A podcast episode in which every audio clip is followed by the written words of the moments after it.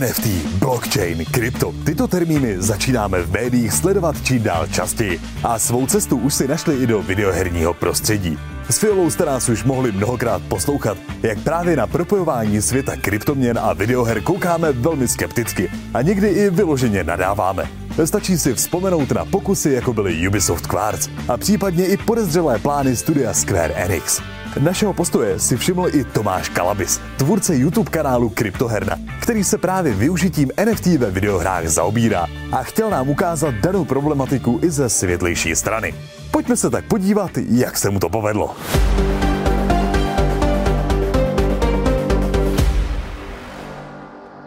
Tak za prvý jsem gamer, jsem taky nadšenec do kryptoměn a z toho důvodu jsem se začal zajímat o blockchainové hry. Můžete je znát taky pod pojmem Play to Earn, i když to je takový pojem, který nerad používám, klidně potom vysvětlím proč. V rámci iniciativy mm, z vysoké školy, kdy jsme měli předmět o kryptoměnách, tak jako závěrečný projekt jsem si právě vybral analýzu jedno, jedné blockchainové hry a ta nakonec vyústila v tvorbu videa, takové recenze, dejme tomu, na YouTube. A tím jsem založil YouTubeový kanál Kryptoherna, který vlastně se snažím utvářet podobně jako vy. Ty témata dělám, dělám recenze, dělám soubory novinek a dělám livestreamy z hosty, mm-hmm. taky livestreamy z her.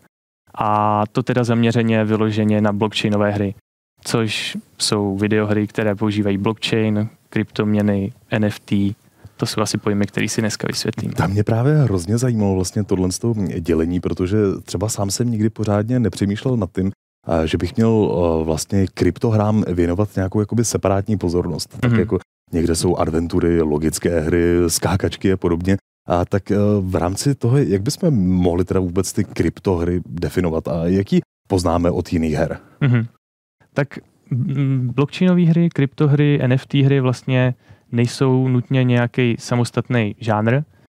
Jsou to klasické hry, žánry, které známe. Může to být karetní hra, může to být MMORPG, může to být klidně nějaká adventura. Hmm. Akorát využívá právě technologii blockchainu, což znamená, že otevírá svoji ekonomiku vlastně té světové ekonomice a to skrz kryptoměny NFT, které jsou obchodovatelné za normální peníze za fiat, za korunu, za dolar, za eura. A to, co vidíme aktuálně na trhu blockchainových her, je, že každý zkouší, kam, do kterého žánru hry je možný prostě blockchain dát. Mm. A pak se vznikají úplný extrémy, jako je třeba Tetris, ve kterém můžeš získávat nějakou měnu, nebo eh, jak se to jmenovalo, Candy Crush Saga, ve který mm. můžeš získávat kryptoměnu. No a to je úplný nesmysl, jelikož blockchain dle mýho názoru se dá využít jen v určitých žánrech mm. her, což je eh, za prvý, je tam podmínka, že to musí být multiplayer, jelikož NFT jsou vlastně herní předměty, tak obecně, uh, což můžou být například skiny, já nevím, třeba nějaký uh, emotikony nebo emoce, nějaký tanečky, až vlastně nějaký základní třeba v MMORPGčku, meče, brnění, cokoliv ti vlastně napadne, což, co není herní měna, ale je to herní předmět. Pojďme si to vysvětlit. Největším problémem měn je jejich důvěryhodnost. Jak okolí přesvědčíte, že zítra nenatisknete nové peníze, a nezničíte tak jejich hodnotu. Banky to řeší drahými zabezpečenými systémy. NFT či kryptoměny, jako je Bitcoin nebo Ethereum, blockchainem. Blockchain je vlastně veřejný seznam transakcí, který si navzájem počítače pracující s měnou posílají. Přesněji posílají řetězce těchto seznamových bloků, proto název blockchain. Neexistuje žádný centrální bod, banka, která by tyhle měny své volně ovládala. To, že v řetězci transakcí nikdo nic jen tak nezmění, zajišťují heše. Jsou to vlastně takové digitální otisky bloků blockchainu. Kdyby se tak měl někdo pokusit přepsat byť jedinou transakci, heše by neseděly a tento upravený blok by tak nebyl uznán. Právě díky blockchainu může existovat decentralizovaná měna, se kterou nemůže volně manipulovat nikdo a technologie samotná se dá používat i k dalším věcem. Nejlepší pro představu je ovšem obrovská nesfalšovatelná účetní kniha.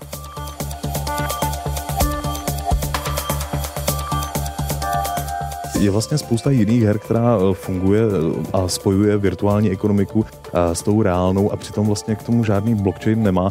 Kdybych jmenoval, tak mám pocit třeba hry od Blizzardu, nějaké mm. jako mhm. Diablo v rámci aukčních systémů, mm. už t, umožňovalo nákup jakoby herních předmětů, ale i bez blockchainu. Mm. A, tak co, co do toho vlastně ten blockchain přidává navíc? Já bych tady asi jako pro porovnání vybral příklad uh, Counter-Strikeu. Mm. Myslím, že jste taky zmiňovali v novinkách, že uh, hráči v Counter-Strikeu taky můžou obchodovat se skinama na zbraně a ty mají často dost, dost vysoké hodnoty, desítky tisíc dolarů, třeba ty nejvzácnější. Mm-hmm. A často, nebo často, projede internetem zpráva, že někomu je ukradli, že hacker se dostal na účet toho hráče a teď mu sebral skiny třeba za 100 tisíc dolarů. E, tohle by se nemělo stát, pokud budou jako NFT tyto skiny na blockchainu, mm. protože hlavní výhodou blockchainu je zabezpečení a blockchain se prakticky nedá hacknout. Takže to vychází z jeho podstaty. Ukradení peněženky, jako případně ukradení toho heše, který vlastně můžu mít někde k tomhle těm předmětům, a hmm. tak nemůže vést k tomu, že vlastně přijdu taky o, o možnost obchodovat s těmi předměty úplně stejně, hmm. jako když ztratím přihlašovací údaje ke Steam accountu? Tohle to je velký riziko, kdykoliv se operuje s kryptoměnama, respektive na blockchainu, protože podstata kryptoměnových peněženek je o tom, mm, asi si to představme jako takový trezor, nebo dejme tomu prostě obyčejnou peněženku, která je mhm. teda digitální a je, je to takovej, taková brána pro člověka, jak se dostat na ten blockchain a provádět transakce. A ta peněženka je zabezpečená tím, že má svůj privátní klíč, dejme tomu, nebo má uh, seed phrase, což je 12 až 16 slovný řetězec, dejme tomu. Mm-hmm. A to je vlastně něco jako heslo pro uživatele té peněženky. Je to něco, co se prakticky nedá hacknout, nedá se to nějak získat z toho člověka, pokud dodržuje základní principy bezpečnosti operování na blockchainu, což je těle těch 16 slov si někde uschovat off, mm-hmm. offline ideálně, aby, protože když to bude mít člověk v počítači ve složce, tak tam se kdokoliv dostane, že jo. Mm-hmm. Takže ideálně někde na papírku, v trezoru, schovaný. Existují nově i různý zařízení, takový mechanismy, destičky kovový, kde se to dá zachovat, to pak odolá i požáru a všemu.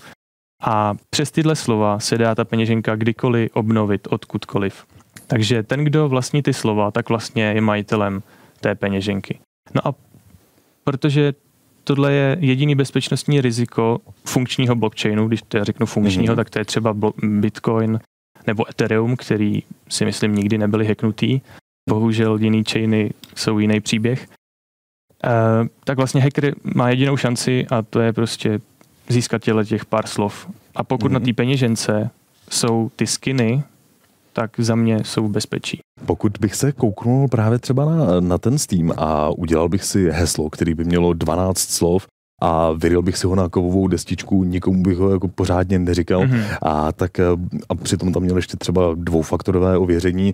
Je to opravdu tak velký rozdíl oproti tomu, když budu mít vlastně podobně krytou právě peněženku do některé vlastně jako mm-hmm. kryptoměn? Možná mě oprav. Je pravda, že když si teda vytvoříš účet, e-mail, heslo, tak to má na svém serveru nebo na svých serverech ten Steam potom, mm-hmm. že on má k tomu přístup, můžeš si to obnovit. No tak to je potom pain point, který zase je potenciálně hacknutelný a je to to nebezpečné místo. Mm-hmm. Zatímco na blockchainu opravdu ani ten blockchain vlastně nemá, není žádná centrální autorita, žádná společnost, která by měla zálohové údaje, aby se mm-hmm. třeba dalo změnit heslo. Takže v tom je to zase bezpečnější. Mm-hmm. Jestli jsem to vysvětlil dobře. Jo, jo. Spousta lidí má vlastně spojený a blockchain e, věci a je třeba kryptoměny a hlavně NFT e, díky e, jistým videím třeba právě od Mikýře a mm-hmm. s prodáváním opiček, s prodáváním a postaviček s rozdílnou velikostí penisů. Jak by se to dalo tak nějak jako vysvětlit a teda napojit, že je to něco serióznějšího? Mm-hmm. Tak tady asi bude vhodný vysvětlit, co je teda NFT. Mm-hmm. Tak NFT je token na blockchainu, což, jak vysvětlit token? Dejme tomu, že máme měnu, třeba Bitcoin, mm-hmm. a to je vlastně fungible token. Je to jako česká koruna, když máme minci, koruny, minci, koruny, tak prostě když je zaměníme, nic se nezmění, nic se nestane. Mm-hmm. Jedna, jedna je jako druhá. Zatímco non-fungible tokeny eh, mají podobný princip, jenom jsou unikátní. Mm-hmm. Takže představme si třeba Mona Lízu jako umělecké dílo, mm-hmm. což potom teda může navazovat třeba na zmiňované obrázky z penisy. A, tak to je unikátní dílo a je non-fungible, je nezaměnitelné a nikdo nikdy nemůže mít jeho kopii. Nebo aspoň tak se to tvrdí.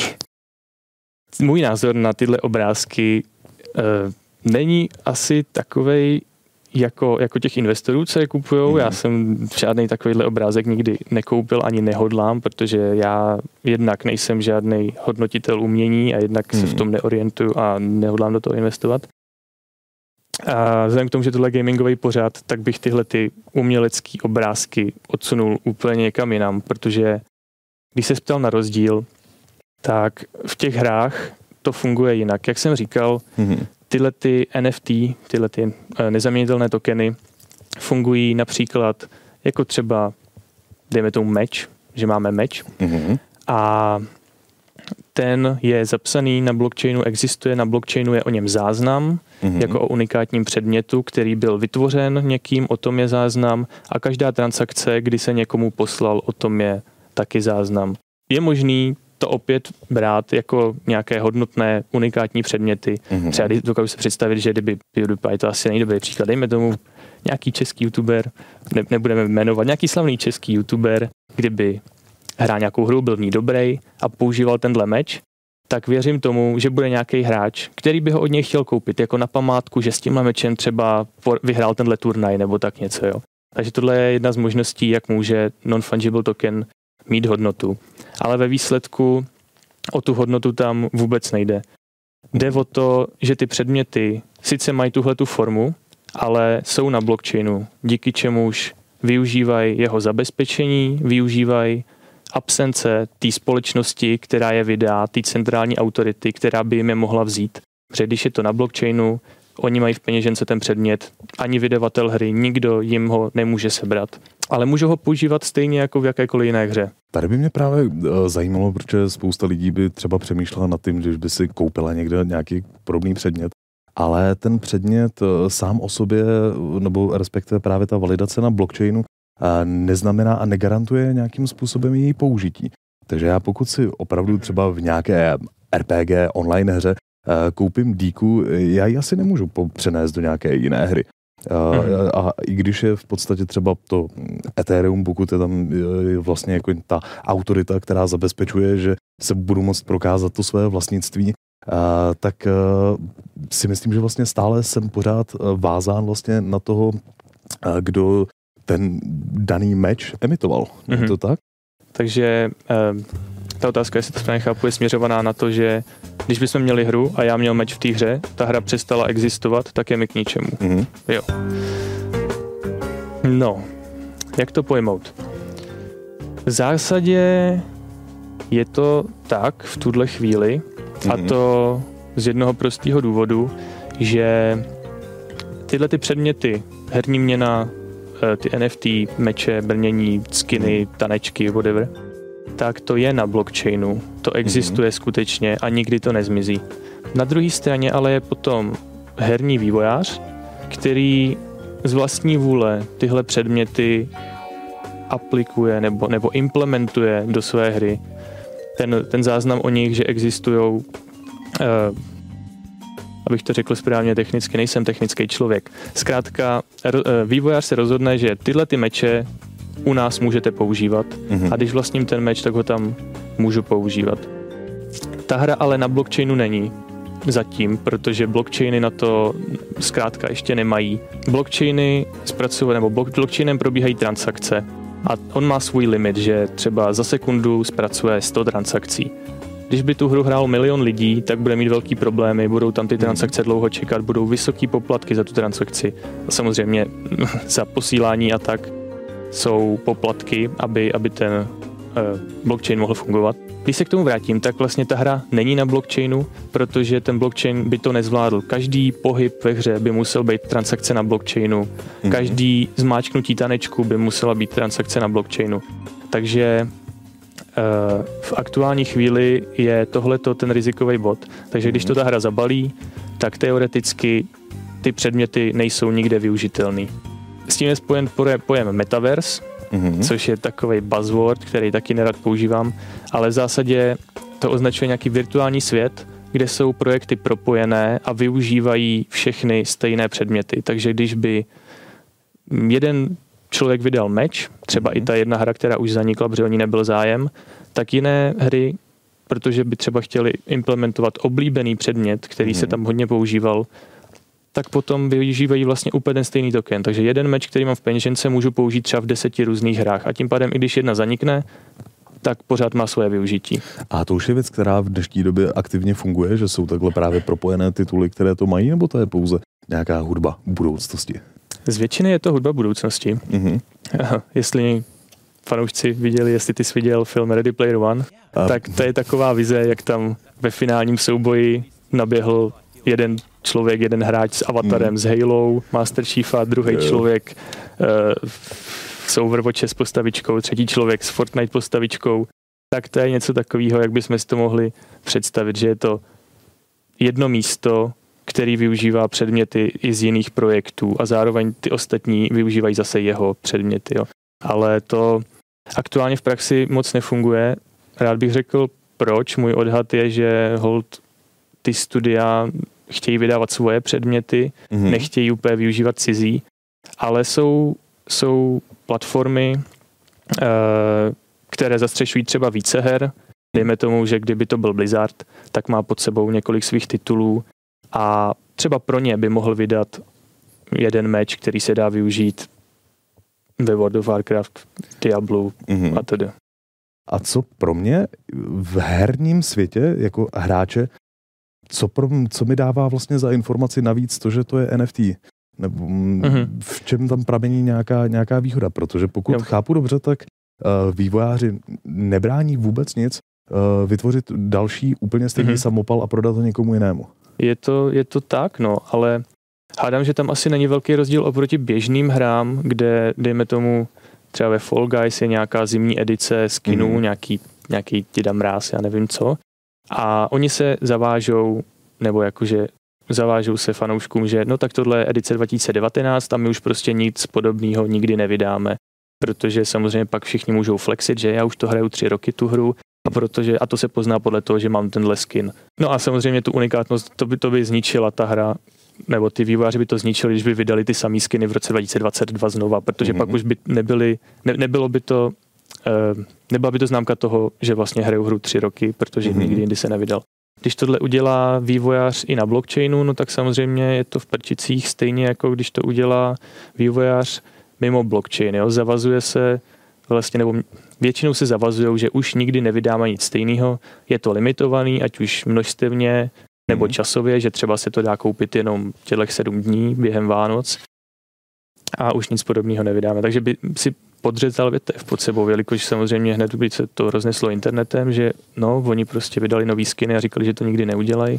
Ale mně v tu chvíli právě přijde, že jsem stejně o, tak nějak odevzdán na milost a nemilost vývojářům a případně hmm. vždycky držitelům té platformy a že vlastně nevidím rozdíl v tom, jestli o, si koupím meč od Valve do hry a, a bude nebo nebude NFT, protože ve finále Eh, stejně to, jestli se Valve rozhodne udělat další meče, desetkrát lepší meče nebo něco podobného, stejně záleží na nich.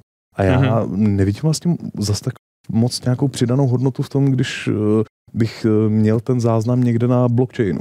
Trochu odevzdají na milost jsme, ale výhodou blockchainu v hrách je, že teda se ty předměty dají obchodovat a nezáleží na tom, jestli to vývojář chce nebo nechce. Jakmile to vydá na blockchainu, který funguje, tak ztrácí nad nimi kontrolu.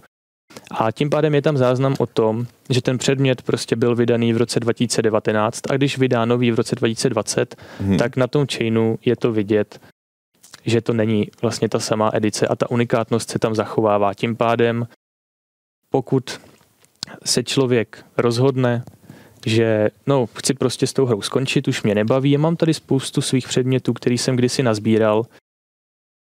Díky tomu, že je to na blockchainu, tak existuje možnost to prodat někomu, kdo by třeba chtěl ty předměty před, eh, z edice před třemi lety, které, který už dneska nemůže získat, jo? protože když ten trading není otevřený, tak prostě pro něj není možnost dostat tenhle ten předmět, aby s ním mohl flexit. Mm-hmm. Tak když s tím skončím, tak vím, že ho můžu prodat někomu, kdo ho chce a prostě se ví o tom, že ten předmět je, je z té doby díky tomu, že je zapsán na blockchainu. Ovšem, pokud vývojář tomu dá stejnou texturu, stejné atributy, tak ve hře to zjistitelný prakticky není, pokud to tam, pokud to tam nenapíše. A mhm. to je právě to, na co jsem asi předtím neodpověděl, že tyhle ty věci nejsou na blockchainu. To, jak vlastně ten předmět v té hře bude vypadat, je čistě na tom vývojářovi a může to i vlastně měnit v průběhu vývoje té hry, protože tyhle informace bývají uchované na IPFS serverech, které myslím jsou decentralizované, takže tam zůstává taková ta bezpečnost, taková ta výhoda lehká oproti, oproti tomu, když to na blockchainu není, ale ta moc, ta moc vývojáře měnit, měnit ten předmět vizuálně uvnitř hry tam zůstává. No. Ale vlastně i parametrově, pokud chápu dobře. Na tom hmm. blockchainu zůstává stále jenom jako informace vlastně k tomu, k jakému ID vlastně patří v podstatě. Hmm. A to, to se klidně ten předmět může i úplně změnit. To záleží. Na blockchain se dají zapsat informace o tom předmětu. Samozřejmě čím víc informací tam je, tím je náročnější ta transakce a je dražší ten předmět vytvořit a pak ho prodávat.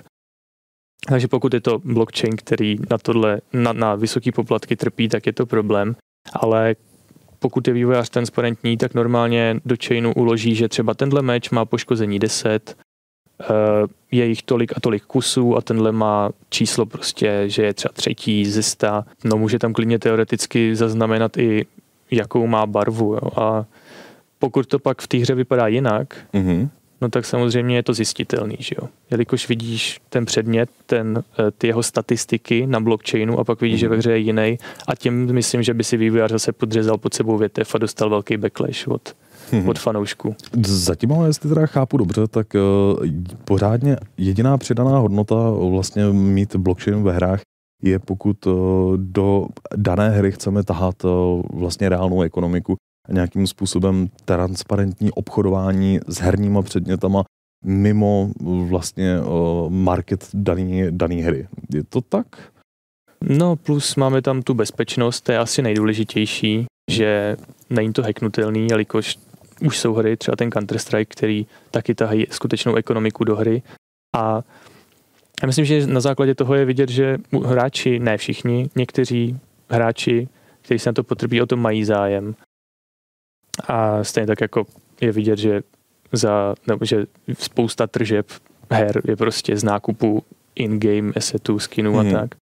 Takže to obchodování, umožnit to obchodování si myslím, že je jedna z velkých z velkých výhod asi ta nejdůležitější pro některé žánry hlavně. A jak vlastně si můžu právě podobně třeba jenom nákup vlastně představit? Já ani si nejsem jistý, jestli když bych chtěl teda prodat eh, kolegovi svůj meč, tak mm. jestli bych to měl jít dělat někde v peněžence, ve hře, uh, můžu to udělat úplně mimo hru, nebo ne? Jak, jak vypadá mm. běžný nákup předmětu?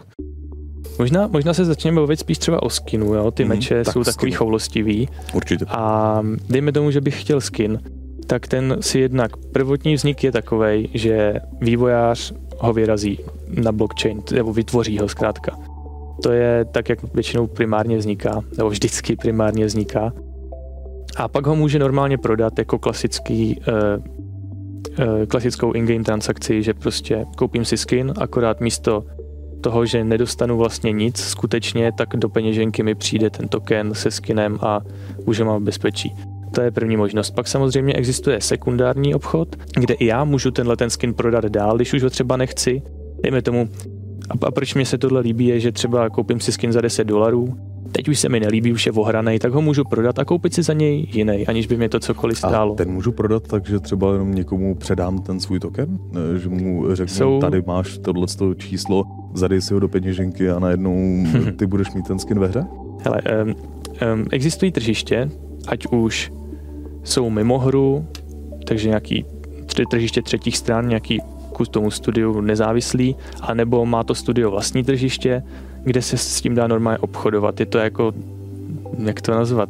No, zkrátka je to tržiště, kde každý může vystavit svůj předmět. Mm-hmm. No je vlastně jako marketplace nějakým MMORPGčku třeba. Mm-hmm. Vystavím tam ten svůj předmět a řeknu jim, prodám ho prostě za tři herní měny, za nějaký tři tokeny, nějaký tři coiny. Kdo chce, tak si ho koupí a skrz smart kontrakty, který zase už probíhají skrz blockchain nebo jsou přímo na blockchainu, což jsou zas, aby mě někdo nehejtil za to, co řeknu technicky. Jsou to takový systém pravidel pro to, hmm. co se na blockchainu stane. Takže dejme tomu, že je tam smart kontrakt na to, aby se prodalo nějaký tohleto NFT, nějaký tenhle předmět. Tak prostě skrz tohle, normálně na webové stránce, na webovém tržišti, zhruba jako na Aukru třeba, to můžu někomu prodat. A z mý peněženky, tím, že to potvrdím tu transakci, z mý peněženky to odejde a přijde to na peněženku toho, kdo si to koupil. Respektive ten, kdo si to kupuje, tak potvrdí transakci. Hmm. Takže takhle se to dá obchodovat. Pak existují teda tržiště třetích stran, třeba OpenSea, dejme tomu, tam se obchodují hlavně ty obrázky, dejme tomu. Mm-hmm.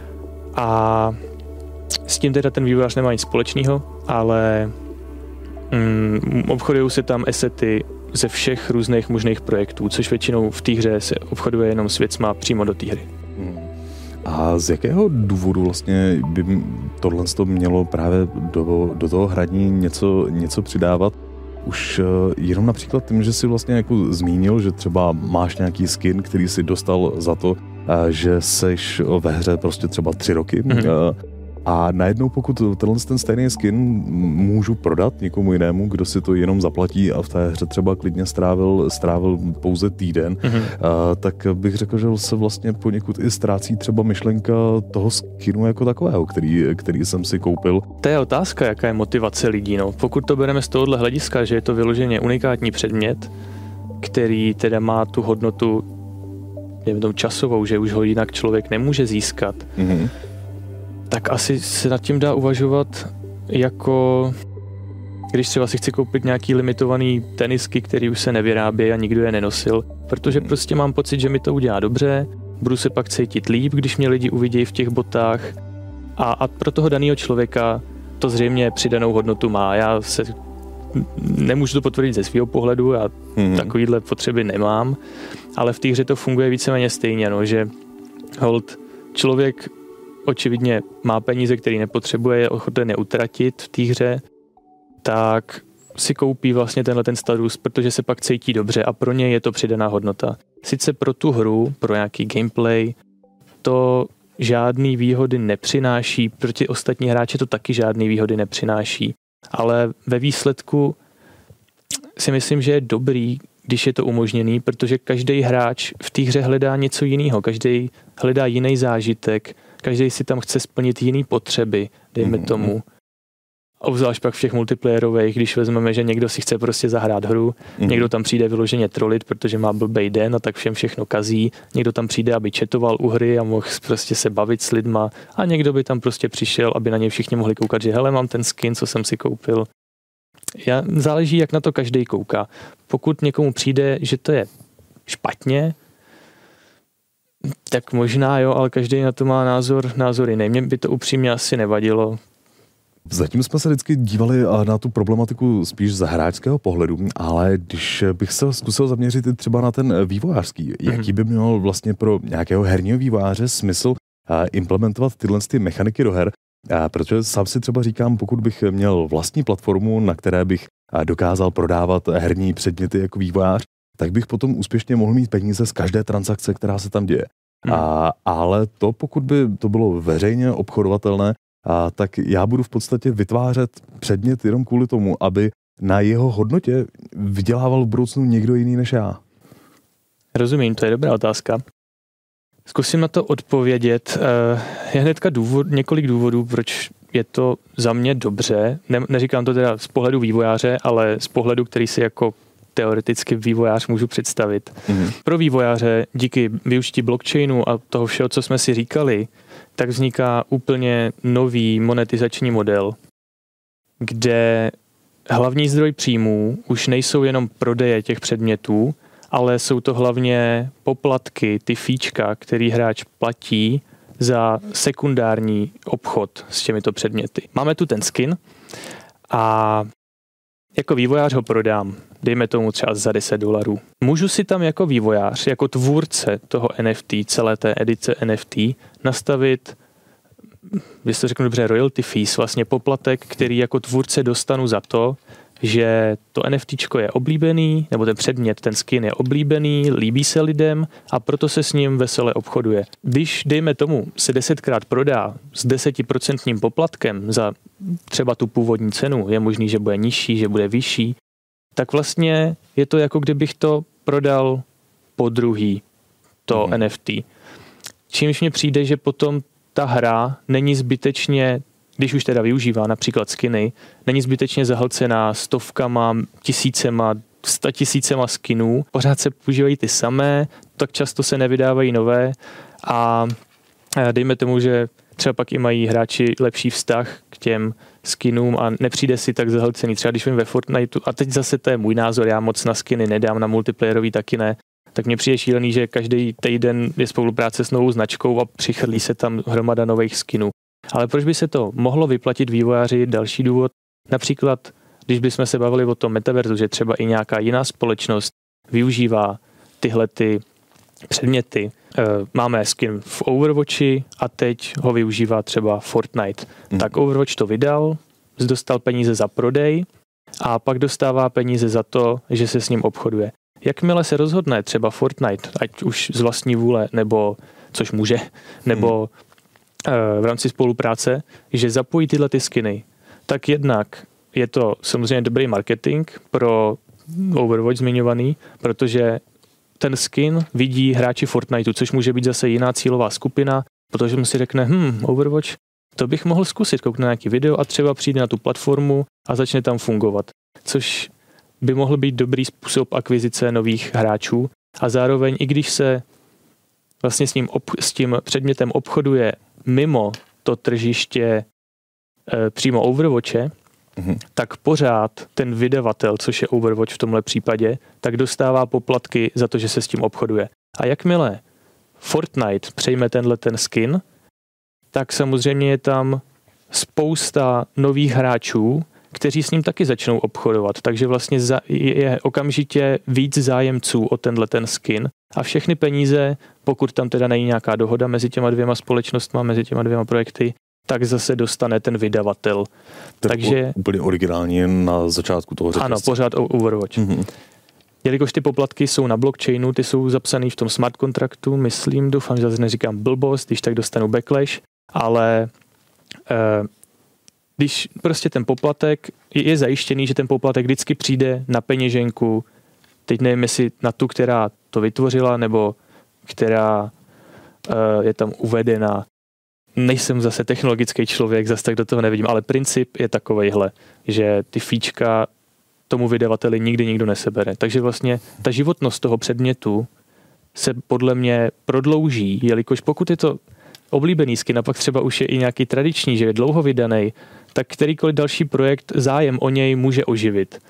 Mm-hmm. A teď to znělo dobře všechno, jakože to vypadá sympaticky. Otázka je, jestli třeba ve výsledku ten vydavatel nebude tratit tím, že nezahlcuje tu hru novými skinama, že třeba by mu to přineslo vyšší tržby, než kdyby využíval jenom to menší množství, se kterými se sekundárně obchoduje.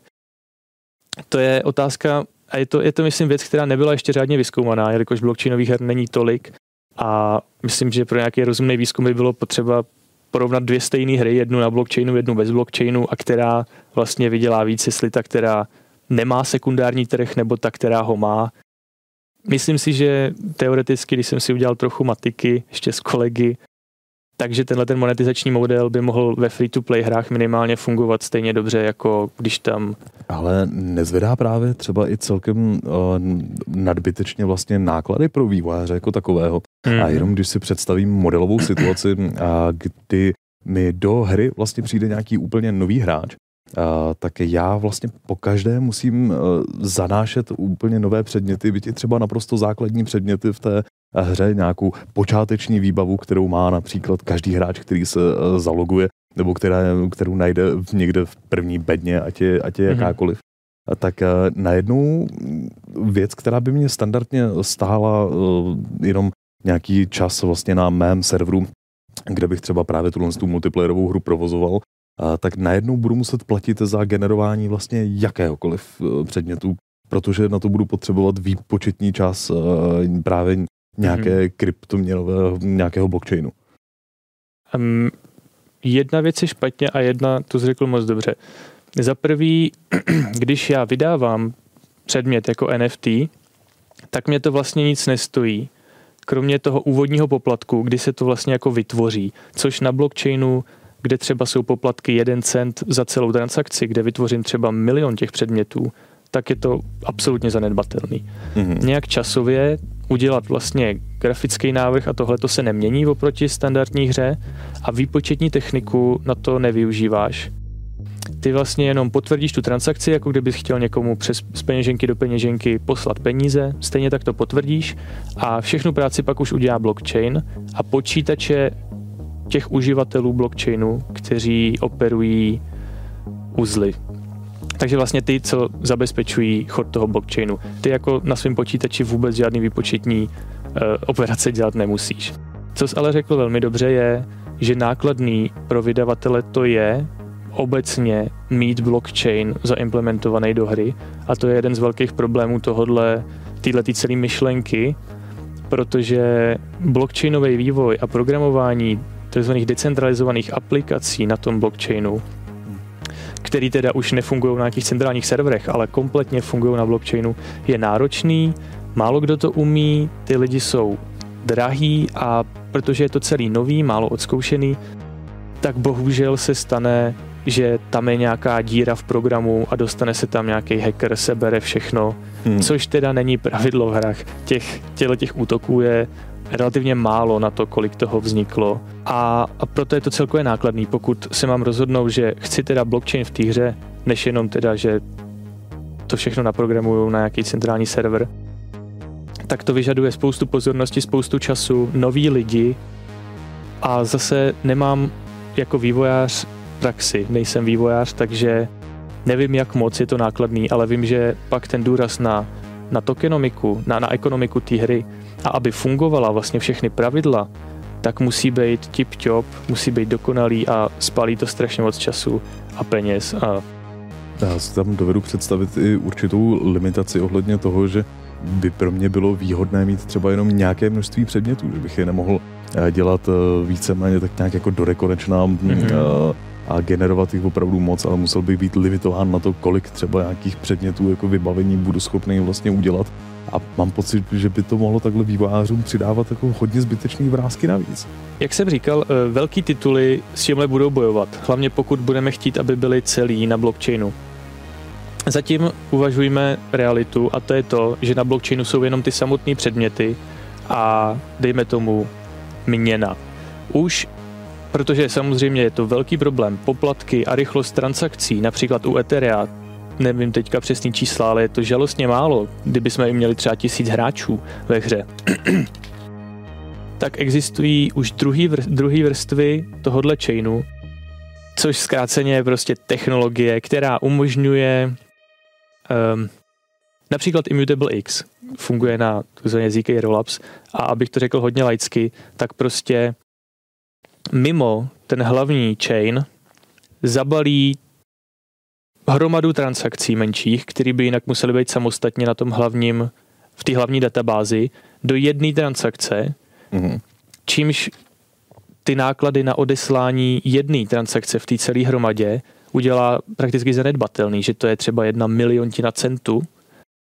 A e, samozřejmě tyhle technologie jsou dál rozvíjený a je, je abych nebyl zase moc, moc blockchainově technický, vždycky se obětuje nějaký prvek, základní prvek toho chainu, takže když chceme zrychlit transakce, snížit poplatky, tak většinou obětujeme třeba část té bezpečnosti, ale to je moc složitý asi teďka vysvětlovat. Zkrátka pro ty hry vznikají platformy, vznikají tyhle ty řešení, který osvobodějí vývojáře i hráče od poplatků a zajistějí to, že ten převod předmětu, třeba když se vygeneruje ve hře, což teda takhle přesně nefunguje většinou, je okamžitý.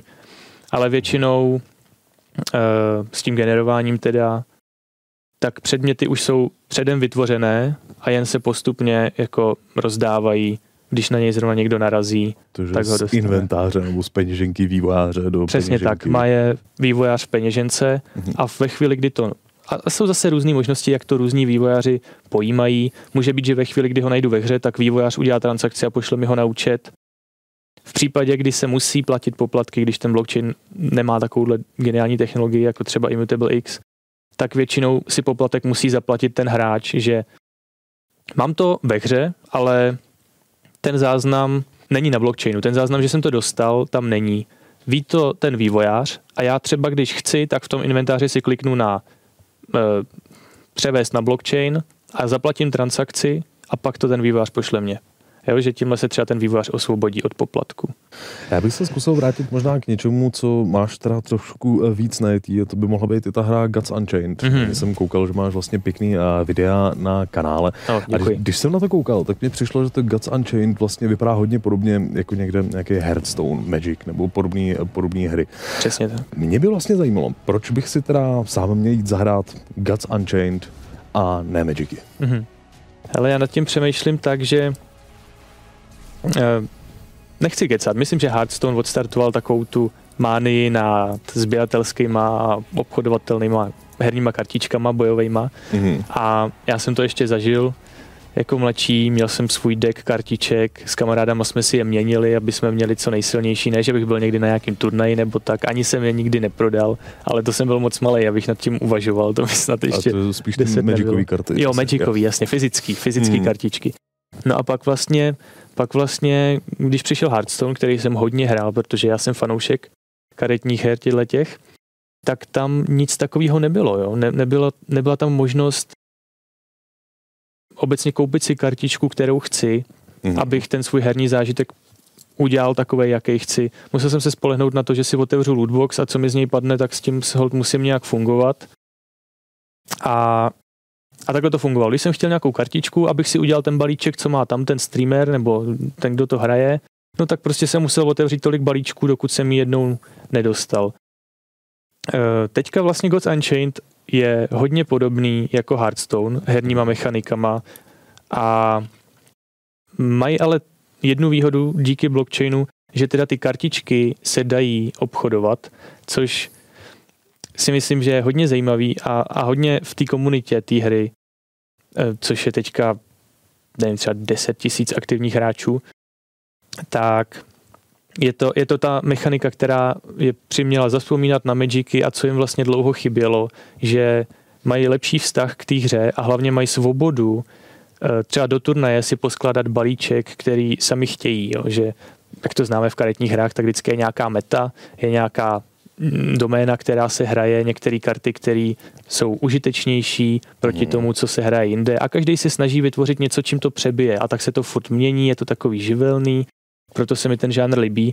Hlavně, když v tom máš možnost ty kartičky si nakupovat a prodávat. Jak jsem říkal o těch lootboxech nebo o těch balíčcích v Hearthstonech, Mhm. tak když dostanu kartičky, které nechci, tak zase naopak se jich můžu zbavit, eh, prodám je někde a nakoupím si za to, co dostanu, ideálně eh, to, co potřebuji do toho svého balíčku. A tohle se mi na tom líbí. nejvíc. Tohle je možná jako hezká ukázka toho, proč by o, hráči mohli mít zájem o podobné systémy, ale vidím to taky právě jako tu problematičtější věc ze strany vývojáře, když Mhm. mm. on vlastně prodává booster packy, eh, myslím, že se tomu říkalo v Magicích, kde tak trochu počítá s tím, že prodává určitou šanci dostat nějaké určitě kvalitní a karty, a které potom vlastně jako budu moct použít v nějakém tom svém deku.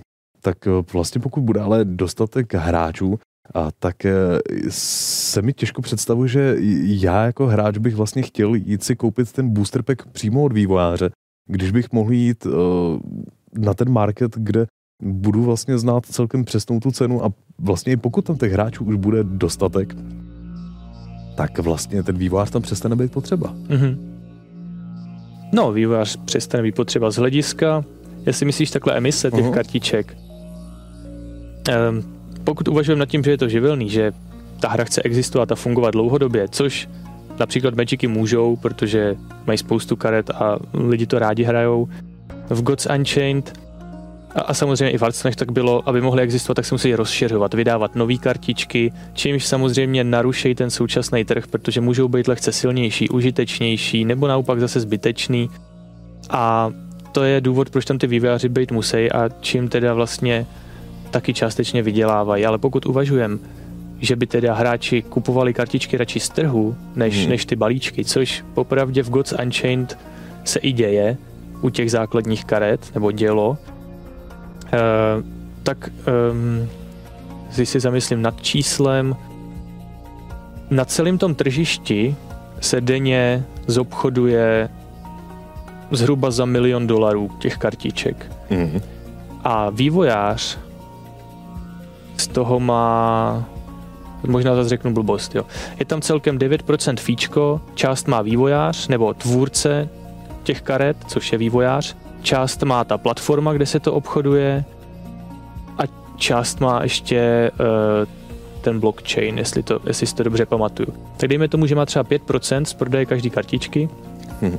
takže když tam zobchoduje milion, tak denně vlastně vydělá 50 tisíc dolarů. A teďka nejsem žádný majitel herního studia, nevím, jestli je to hodně nebo málo, ale přijde mi to celkem dost, i kdyby třeba se nenakoupilo několik tisíc balíčků, třeba za 5 dolarů, mm-hmm. tak tady z toho sekundárního trhu, který vlastně každý den je uh, plný transakcí, je živej a ty hráči denodenně kupují a prodávají kartičky, mm-hmm. tak ten projekt může, může být živej. Ale co se těch rozšíření týče, tak tam vím, že ty se vždycky prodají. Nový hmm. kartičky od ty je vždycky zájem. Právě ty jsi na začátku rozhovoru zmiňoval termín uh, P2E, pay to, uh, play, play to, to earn. Play to mm-hmm. earn. A právě to Guts Unchained je zrovna hra, která využívá tento princip? Definoval bys to? Mm-hmm. Já za ty dva roky, co dělám, co, co jsem tady v tom oboru a zajímám hmm. se o to, tak se hodně mění názory, terminologie a tak. A já jsem za to rád. Eh, dřív jsem hodně používal play to earn, což vlastně znamená hrajte, abyste něco získali. A pro mě jako pro hráče to je strašně špatná motivace, jo. takhle to nazývat mně přijde hrozně zcestný.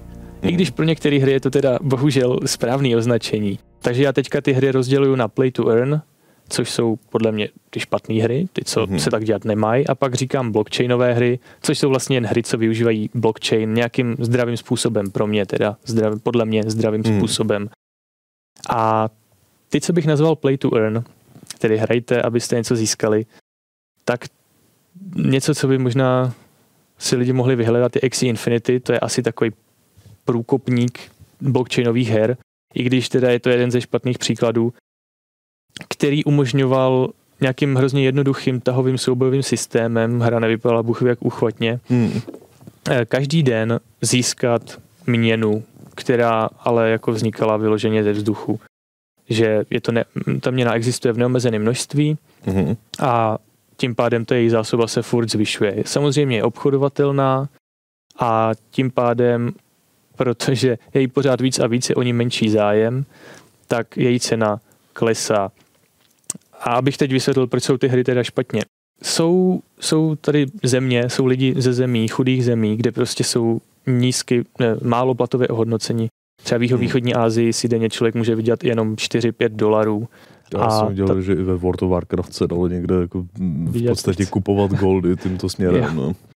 no, takže hráči v chudých zemí, i třeba když dělají na poli nebo nějakou klasickou práci, tak si vydělají strašně málo peněz. Mm-hmm. A hmm. proto je pro ně zajímavý hrát tyhle hry, protože opravdu pro ně bylo možné vydělat si třeba 20 dolarů denně, což je čtyřikrát tolik. Mm. A když si řeknu, že vlastně hraju hru a mám být za to jako zaplacený, jenom za to, že to hraju, a teď ještě penězma, které vlastně vznikly ze vzduchu, tak to je pro mě absolutní nesmysl. Je to neudržitelný model ekonomiky a ta hra takhle nemůže fungovat. A potvrdilo se to, protože ten token se úplně znehodnotil. E, ten člověk z 20 dolarů najednou si vydělá třeba 2 dolary denně. Ne, nemluvím o tom, že ta hra je mega pay to win ještě k tomu a bohužel myslím, že to způsobilo hodně, hodně kritiky obecně všech blockchainových her, i když jsou tady projekty, které se na to snaží jít mnohem etičtějc, rozumějc, jako třeba Gods Unchained, kde mi to i dává smysl. jak jsem říkal, jsou žánry, kam bych vůbec blockchain necpal, ani obchodování a, a nic. Hmm. A tohle je jeden z těch příkladů třeba. No. Mně se tam právě trošku líbilo to pojmenování pay to earn, že zdá se mi to, že jakmile člověk implementuje do hry vlastně podobné mechaniky a podobné navázání na reálné peníze, tak se e, s tím v podstatě zvedá ještě i další jako problém, který u normální hry není. A to je potenciální výdělek, protože pokud mm-hmm.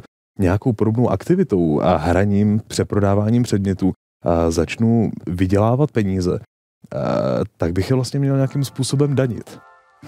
A nejsem si jistý, takže pokud bych si chtěl zahrát nějakou podobnou hru, tak e, nejenom, že se musím zaregistrovat na stránce té hry, abych ji pořádně dokázal hrát, tak si musím e, založit, založit vlastně nějakou peněženku na Ethereum a ještě k tomu potřebuju živnostenský oprávnění? Živnostenský oprávnění nepotřebuješ. Pokud eh, opravdu něco vyděláš v té hře, s chodou okolností jsem se nedávno bavil s kolegou právníkem, mm-hmm. který do toho vidí víc než já, tak se to normálně, všechno, co člověk získá, se daní 15%. Je to jako daň, daně z příjmu, dejme tomu. A nebudu říkat víc, protože do legislativy za stolik nevidím. Ovšem mm-hmm. je to samozřejmě bohužel ten blockchain státní sféra zatím neumí moc dobře sledovat a hledat v něm, takže se v tom dá docela dobře zatím utíkat, ale všechno se to řeší. Ale to spíš není problém her, to je problém jako kryptoměn obecně. Každopádně pokud člověk hraje tu hru, morálně je postavený správně, něco hmm. vydělá, tak by to zdanit měl a zaevidovat samozřejmě do nějakého prohlášení. My už vlastně v českém právním rámci máme eh, klasicky těch 15%, ale dokonce Uh, už myslím od tohohle z toho roku s potenciálním navýšením na 23%, pokud tím překoná uh, nějakou, uh, nějakou jakoby hranici. A je tam teda v podstatě to, že pokud eh, bych dělal něco podobného právě za účelem potenciálního zisku, mm-hmm. a tak eh, a opravdu bych se ho pravidelně dostával, tak bych to měl začít takhle účetně řešit. A nejsem si ani jistý třeba v situacích, když si někde eh, koupím vlastně booster pack, třeba v podstatě nějakých karet právě třeba do Guts Unchained, za 5 dolarů a najednou dostanu v něm kartu, která se obchoduje s hodnotou 100 dolarů tak jsem potenciálně vydělal 95 dolarů, který bych měl jít někam odvést a jenom ta daň, těch 15% by třeba mohla stát teoreticky víc, než mě vlastně stál ten původní, uh, původní balíček. Mm-hmm, uh, Není to právě tahání v podstatě reálného světa uh, někam, kam trochu nepatří, když hry mají být primárně o té o zábavě? Hele, pokud máš pocit, že to odvádí pozornost od té hry samotné, od té zábavy, já tak... spíš věřím, že spousta lidí třeba tohle to bude ignorovat, ale to je věc, kterou jako těžko To tady nebudeme doporučovat nikomu. Nějak, nějak rozhodně doporučovat. No, no vůbec. Takže pokud někdo chce podvádět, tak my jsme vám to rozhodně neříkali. Měli byste všechny příjmy byste měli samozřejmě danit. A teď nevím, jak je přesně nastavená legislativa, jestli třeba do několika tisíc nebo desítek tisíc ročně je to osvobozený. Vím, že to, no, myslím, že to spadá do ostatních příjmů, ale zjistěte, zjistěte si sami, nemám, nemám na to přesně uh, teďka názor. Každopádně ty platformy, uh, nebo ty projekty samotné, kde se třeba s tím obchoduje, mm. tak můžou, aby, aby ulehčili hráčům od tohoto břemena, uh, tu daň strhávat sami, nebo jakoby už to tam zakomponovat a, a zaplatit to jakoby za toho hráče, že, že dobře, mám tam zisk 90, tak dejme tomu, že když to prodám, tak už se mi místo, kromě fíčka, strhne ještě ta daň.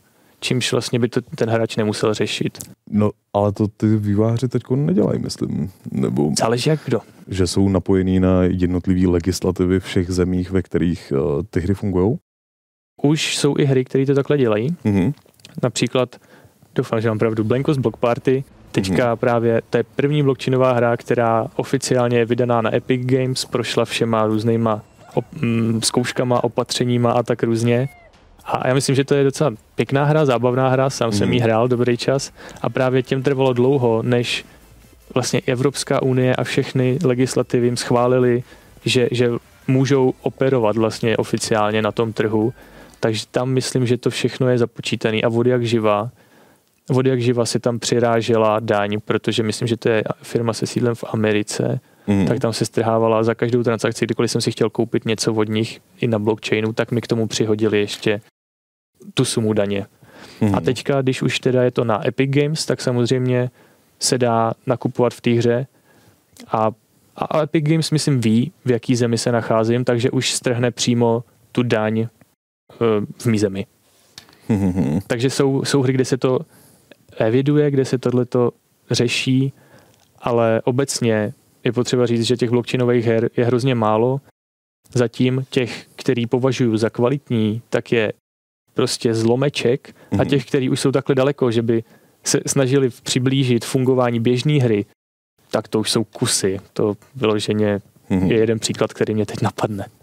A ještě vlastně, když jsem třeba dál uh, zkoumal, uh, zkoumal vlastně uh, tvůj kanál, tak jsem si všiml, že často pod videí máš uh, vlastně nějaké affiliate linky, uh, které mm-hmm. vlastně nějakým způsobem dávají asi výhodu tomu, kdo se registruje do hry přes uh, třeba jakoby tvůj odkaz. Předpokládám, uh, ty z toho asi taky, taky něco máš. A už jenom vlastně tahle základní mechanika mi lehce připomíná třeba nějakou formu letadla. Není to tak? Mm-hmm. Protože hmm, pokud vlastně děláš no. recenzi, recenzi na hru a je pro tebe pak vlastně jako výhodné co nejvíc lidí přesvědčit o tom, aby uh, do Jasně. té hry jako vstoupili. Mm-hmm. Forma letadla, no tak jako já letadlo se nesnažím provozovat rozhodně uh, nikoho nenavádám. Jako takhle, pokud se někdo chce registrovat, mm. tak vždycky řeknu, použijte můj link. Popravdě asi, asi to zatím nikdo neudělal, nic jsem, nic jsem nedostal, to tady můžu mm. oficiálně říct. Um, ale referál asi není úplně novinka jako obecně mm. v hrách, jenomže je tady ta změna, že dřív jsme dostali předmět do hry, kde se mhm. nemíchala ta skutečná ekonomika, skutečný peníze a teď to tak je. No tak asi víme o tom, že už jsme zmiňovali tyhle ty dick pics a různé obrázky, tak to prostě byly čistý skemy, kde samozřejmě se snažili obrat lidi o peníze. Mm-hmm. A asi věřím tomu, že, že, že některý youtuber se taky může domluvit s hrou a udělat tohle, že přijďte tam, dostanete peníze. Ale, ale tam jako nevzniká, já teďka myslím za pochodu, jo. Mm. Nevzniká jako žádná nová hodnota, tam se netisknou peníze, jenom se rozdává něco, co existuje. A nejsou tam žádní investoři, kteří by to financovali. Mm. Takže si myslím, že to není letadlo, když to takhle řeknu. Dobře. Jenom je to takový způsob, jak namotivovat lidi. No. A bylo by aspoň nějaká třeba forma e, doporučení, jak eh, bych mohl sám na první pohled třeba poznat, jestli daná blockchainová hra je nějakým způsobem jako transparentní, jestli je ten vývojář a vlastně důvěryhodný, že můžu věřit tomu, že opravdu třeba nebude dělat jako nové, lepší předměty. Jak, hmm. jak, jak vlastně třeba sám máš nastavený tyhle jako metriky a jak poznat, kdy je někdo právě jako dobrý a kdo je špatný? Tak já si dělám velký, velký průzkum. Mm-hmm. Je to něco, co u běžných her člověk nedělá, ale já to dělám kvůli recenzím, ne protože bych do těch her investoval. To samozřejmě pokud jde o investice, tak to si každý musí udělat průzkum kvůli tomu, jak moc je to pro něj rizikový. Já většinou tu hru zahraju, teď, zá, teď zjistím, jestli mě baví nebo ne, jestli se to aspoň podobá hře. Samozřejmě je spousta her, který mají hře daleko, mm-hmm. nebo blockchainových her.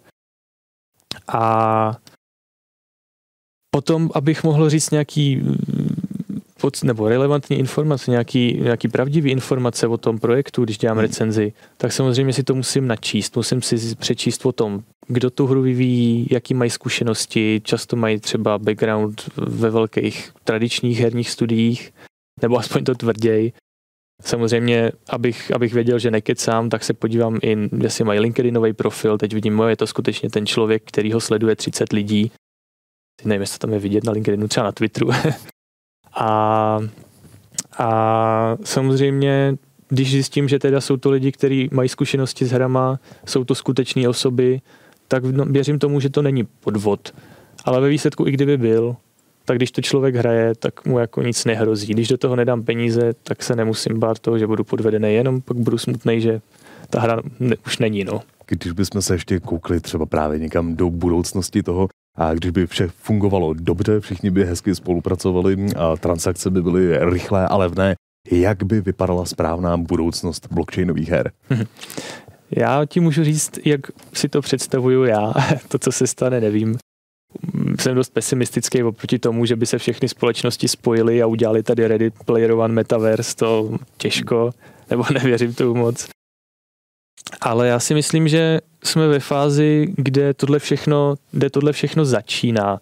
Je tady spousta malinkých studií, většinou to jsou nějaký nadšenci, amatéři, kteří nikdy hry nevyvíjeli a dělají to vlastně z vlastní iniciativy a vlastních peněz. A oni, oni jsou taky pionýři, kteří zkoušejí, co se teda vlastně v té hře dělat může, jak ten blockchain využít a naopak, co je špatně, takže aby se to nepoužívalo. Proto spousta jich prostě zanikne na tom, že to zkusili blbě. A je tady spousta mechanik, které se mi nelíbí v těch blockchainových hrách a myslím si, že se tak postupně budou třídit. To, co je zajímavé a co, co se třeba i fanouškama, co bude fanoušky přijatý, mm. tak tu možná zůstane. Třeba to zkusí větší studia, to je otázka. Ale každopádně Eh, spousta lidí mi říká, že tohle nemá budoucnost, protože to prostě nepoužívá Blizzard, nepoužívá to Ubisoft, nepoužívají to tyhle velký korporáty. Já myslím, že to bude tak, že jakmile se to někomu povede, že se třeba fakt lidi shodnou, že tohle vypadá eticky, nejde jenom o prachy, ta hra je dobrá a, tam, a ta možnost, co nám blockchain přináší, je v tom taky super, tak pak přijde asi pravděpodobně ten velký korporát a koupí to malý studio a to bude taková ta adopce, kde vlastně se přesunou blockchainové hry mezi klasický hráče. Uvidíme, jak to dopadne. Tohle je taková moje vize, která se může vyplnit za spoustu let. Těžko říct. To budeme v tomhle tom ohledu držet palce, i aby si měl možnost natáčet případně videa o těchto z těch povedených hrách a ideálně o těch nepovedených a skemozních co nejméně. Mm. Ale takže já každopádně moc děkuji za to, že jsi sem k nám přišel a přeju hodně štěstí do budoucna. Já moc děkuji za pozvání, byl to super rozhovor, pohodový. Doufám, že jsme fanouškům odhalili trošku, jak to vlastně v těch blockchainových hrách vypadá a že ve výsledku si k tomu každý udělá vlastní názor. A taky vám přeju, ať se vám daří, budu vás dál sledovat a třeba se zase někde potkáme. Díky moc.